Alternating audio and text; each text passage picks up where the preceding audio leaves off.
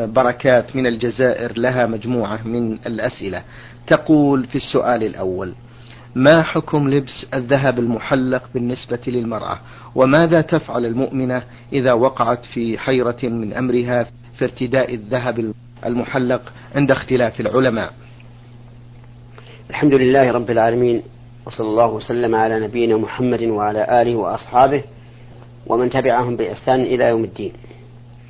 القول الراجح في هذه المسألة ما عليه جمهور العلماء حتى إن بعضهم حكى الإجماع عليه وهو جواز لبس النساء للذهب المحلق كالخواتم والأسورة وأنه لا بأس بذلك. فقد ثبت في الصحيحين وغيرهما أن النبي صلى الله عليه وسلم حث النساء يوم العيد على الصدقة وقال يا معشر النساء تصدقنا ولو من حليكن فإني رأيتكن أكثر أهل النار. فجعلت النساء تتصدق من خواتيمها, خواتيمها وخروصها وأقراطها. وما زالت النساء في عهود المسلمين إلى عهدنا هذا يلبسن الذهب المحلق. وأجاب جمهور عما ورد من التحذير في ذلك بأنه شاذ مخالف للأحاديث الصحيحة الدالة على الجواز أو أنه كان حين قلة ذات اليد فحذر النبي صلى الله عليه وسلم من التوسع في ذلك.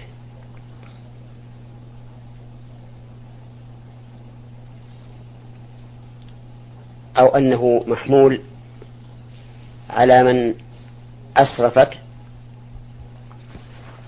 في استعمال المحلق من الذهب بأن تجعل على الإصبع خواتم تملأ الأصبع مثلا أو على الذراع أسورة تملأ الذراع وما أشبه ذلك.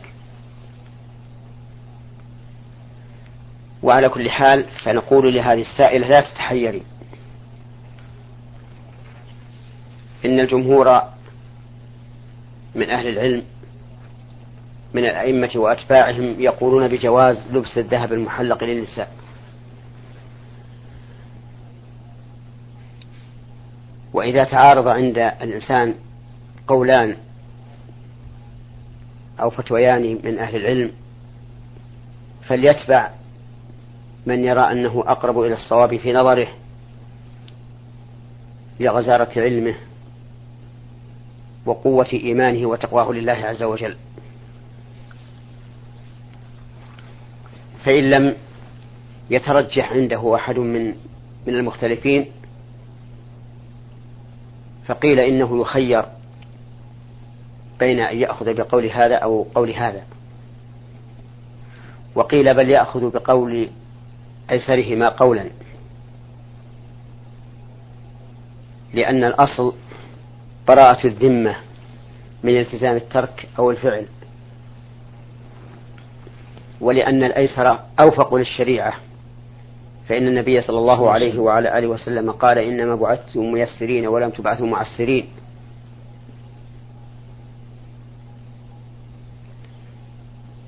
ومن العلماء من قال يأخذ بالأشد لأنه أحوط. وقد قال النبي صلى الله عليه وعلى آله وسلم دع ما يريبك إلى ما لا يريبك. وقال من اتقى الشبهات فقد استبرأ لدينه وعرضه.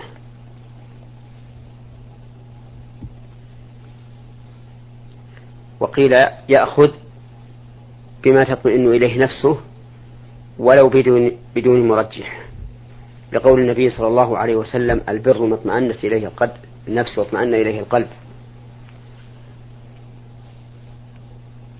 لكن الغالب أنه لا يتساوى عالمان مفتيان. من كل وجه. بل لا بد أن يكون أحدهما أرجح من الآخر إما في علمه وإما في ورعه وتقواه.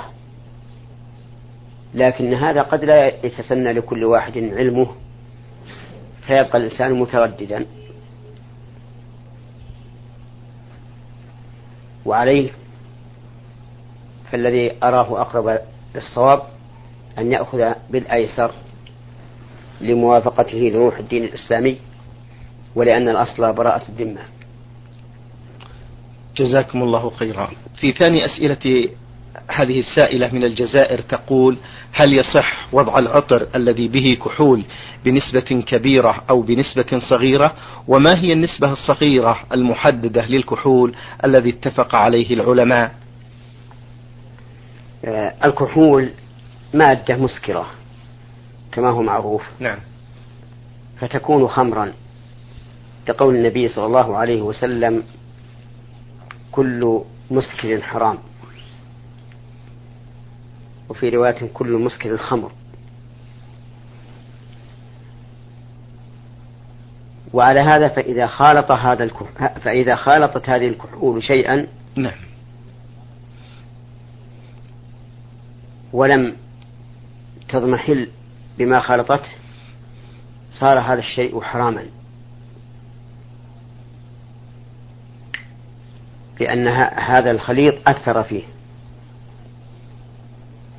أما إذا انغمرت هذه الكحول بما خلطته نعم. ولم يظهر لها أثر فإنه لا يحرم بذلك. لأن أهل العلم رحمهم الله أجمعوا على أن الماء إذا خلطته نجاسة لم تغيره فإنه يكون طهورا. والنسبة بين الكحول وبين ما خالطه قد تكون كبيرة وقد تكون صغيرة بمعنى أن هذه الكحول قد تكون قوية فيكون يسير منها مؤثرا في المخالط وقد تكون ضعيفة فيكون الكثير منها غير مؤثر. والمدار كله على التأثير. نعم. ثم ها هنا مسألتان. ثم ها هنا مسألتان. الأولى هل الخمر نجس نجاسة حسية؟ أي أنه يجب التنزه منه وغسل الثياب إذا أصابها وغسل البدن إذا أصابه وغسل الأواني إذا أصابه أصابها أو لا؟ جمهور العلماء على أن الخمر نجس. نجاسة حسية وأنه يجب غسل ما أصابه من بدن أو ثياب أو أواني أو فرش أو غيرها. كما يجب غسل البول والعذرة.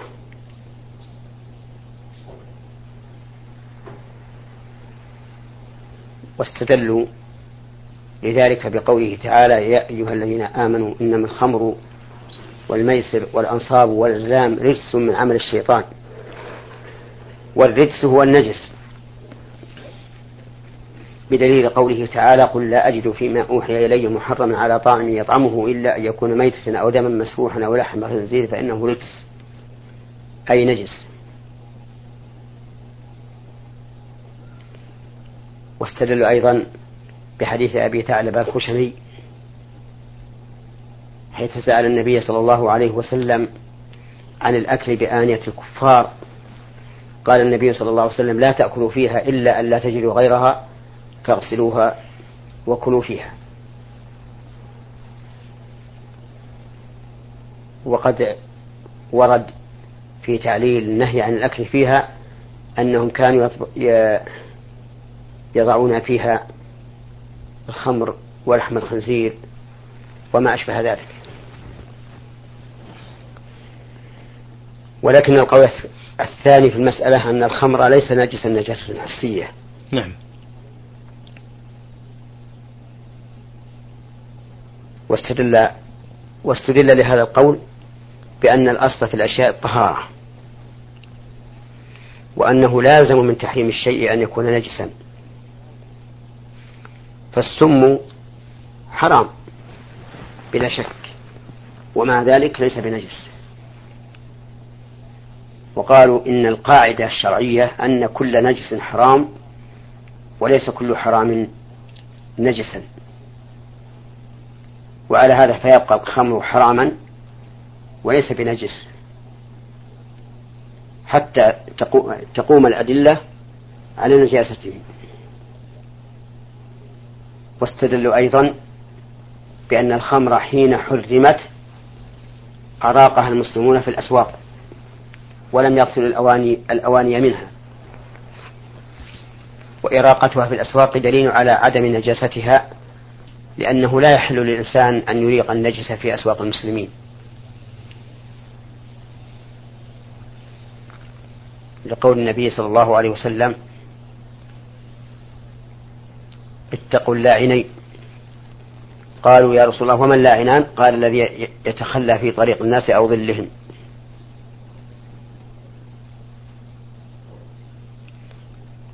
ولأنهم لم يصلوا الأواني منها ولو كانت نجسة لا وجب غسل الأواني الأواني منها.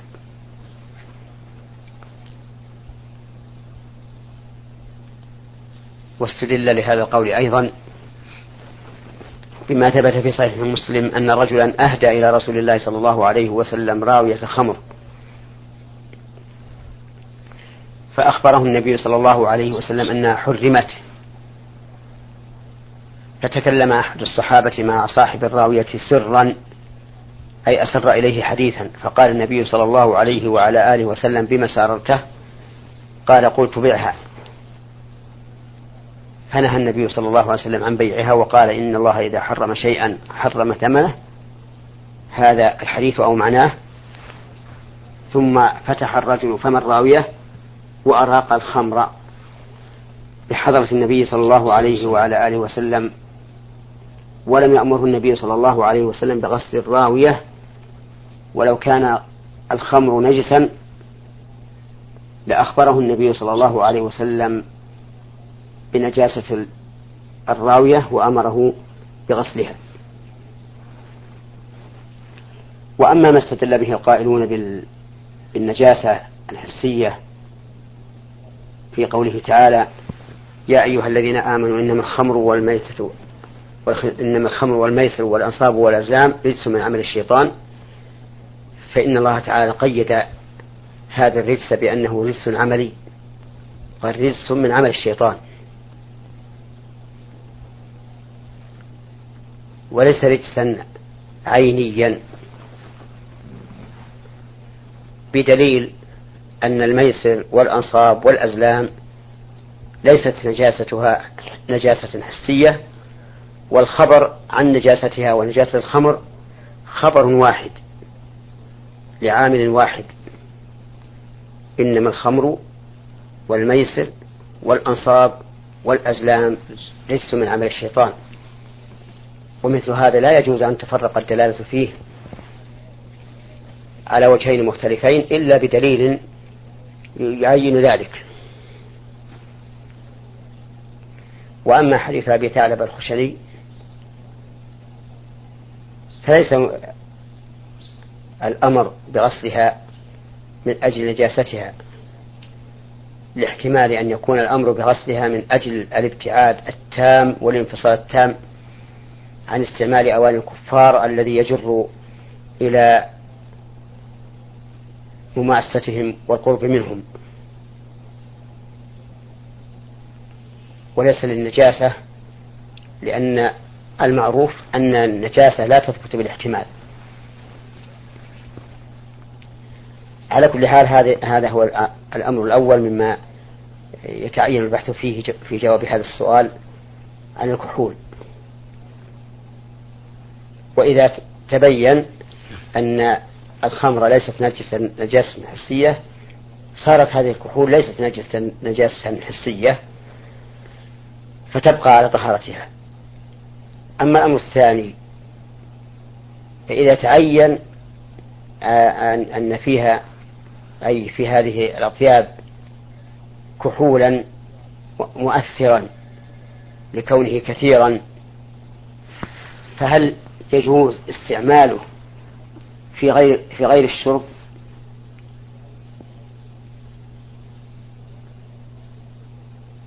جواب ذلك أن يقال إن قول الله تعالى فاجتنبوه عام في جميع وجوه الاستعمال. أي أننا نجتنبه أكلا وشربا وادهانا وغير ذلك. هذا هو الأحوط لا شك. لكنه لا يتعين في غير الشرب لأن الله تعالى علل وجوب الاجتناب أو علل الأمر بالاجتناب بقوله إنما يريد الشيطان أن يوقع بينكم العداوة والبغضاء في الخمر والميسر ويصدكم عن ذكر الله وعن الصلاة فهل أنتم منتهون؟ وهذا لا يتأتى في غير الشرب. وعلى هذا فالورع اجتناب التطيب بهذه الأطياب والجزم بالتحريم لا يمكن. لكن يبقى أن المرأة لا يحل لها أن تتطيب إذا أرادت الخروج إلى الأسواق. لما في ذلك من الفتنة. وقد قال النبي صلى الله عليه وسلم أي امرأة أصابت بخورا فلا تشهد معنا صلاة العشاء. فمنع المرأة من شهود صلاة العشاء إذا أصابت بخورا لأن البخور يظهر ريحه. نعم. جزاكم الله خيرا. ما حكم صيام يوم السبت نفلا أو فرضا في غير رمضان؟ اختلف العلماء رحمهم الله في صوم يوم السبت. هل هو جائز أو مكروه؟ أو يفرق بين أن يصومه منفردا أو مضموما إليه ما قبله أو ما بعده. فمن العلماء من قال إن صومه لا بأس به. وأن الحديث الوارد فيه حديث شاذ. مخالف للأحاديث الصحيحة. ومن شرط العمل بالحديث أن لا يكون شاذا. لأن عدم الشذوذ شرط في الصحيح في الحديث شرط لصحة الحديث ولكونه حسنا.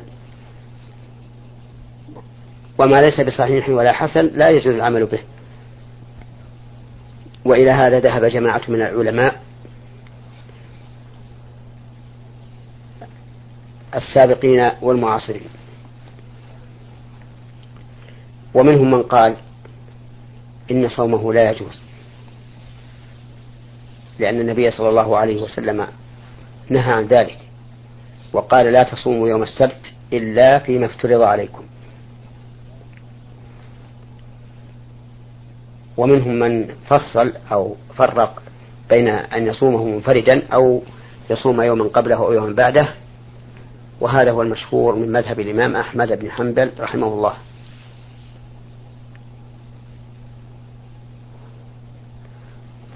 وقد ثبت عن النبي صلى الله عليه وسلم أنه قال لجويرية وقد كانت صائمة يوم الجمعة قال لها أصمت أمس قالت لا.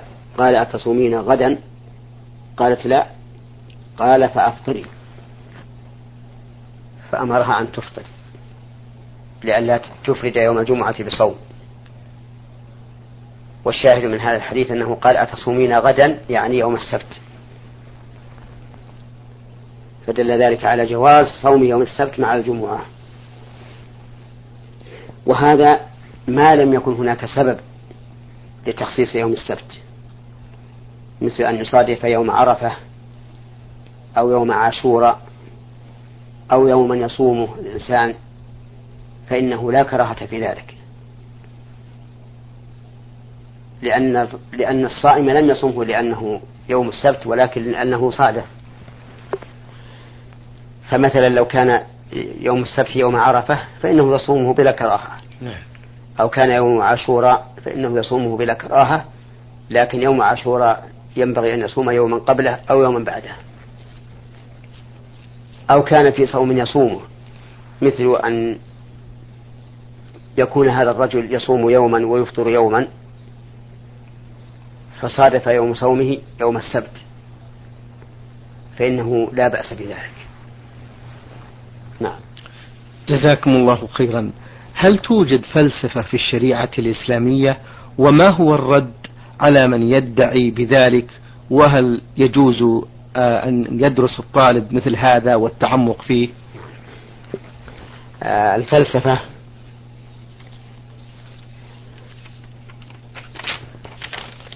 بحث يوناني.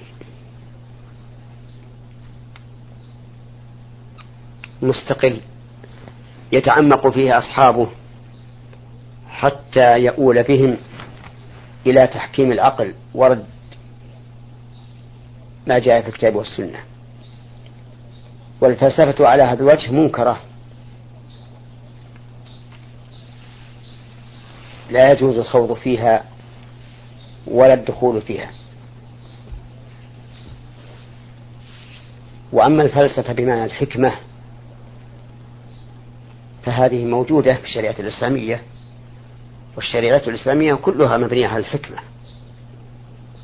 قال الله تبارك وتعالى أفحكم الجاهلية يبغون ومن أحسن من الله حكما لقوم يوقنون. لكنه لا ينبغي أن نقول عن الحكمة الشرعية إنها فلسفة لأن هذه الكلمة يونانية. نعم. بل نقول عن الحكمة الشرعية إنها حكمة. وما من شيء في الشرع إلا معلل بالحكمة لكن من الحكم ما نعلمه ومنها ما لا نعلمه لأن عقولنا قاصرة.